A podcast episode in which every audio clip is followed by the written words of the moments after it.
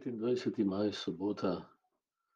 Danes v evangeliju vidimo duhovnike, pismovke in starešine, ki Jezusa skušajo, ki imajo do njega sovražen, nezaupljiv odnos, da bi ga stisnili, to, kar se potem tudi zgodi. On pa jim odgovori z vprašanjem, ali bi Jezus nebes ali od ljudi. Ker mu ne odgovorijo, ker so preračunali, tudi on ne odgovori njim. Ker nočejo odgovoriti, ostajajo nespametni in brez modrosti. Namreč moja oholost in zaničevanje drugega ali pa sovražnost do njega me popolnoma zapre za odnos z njim. To je ena vrsta odnosa do Jezusa, ki, skozi katero verjetno gremo tudi vsi. Popolnoma drugačno držo ima pa Marija, ki išče božjo voljo. Angela sicer sprašuje, ampak ne zato, da bi ga skušala, da bi ga ujela v svojo past, ampak ker ji ni jasno.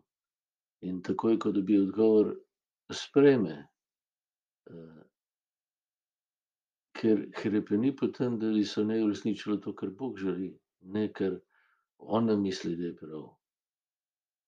No, tako kot njo tudi Bog nas vabi v sodelovanje. To je pa mogoče samo, če gojim prijateljsko pa naklonjeno držo do Jezusa. Kot tistega, ki me vodi in rešuje, ki je moje grob, moj grob ali pa moje življenje že odprl iz smrti v ljubezen, iz trpljenja v svobodo.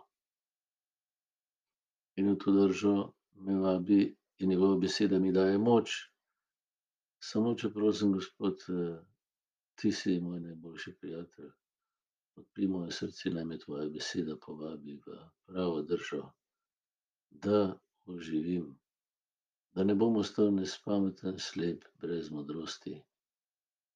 Da bom doživel tvojo oblast ljubezni, ki mi jo moja oholost skriva in mi preprečuje, da bi iz nje živel in tako ostanem zaprt in mrtev, tako kot pismovki in vsa compagnia Lidruscina.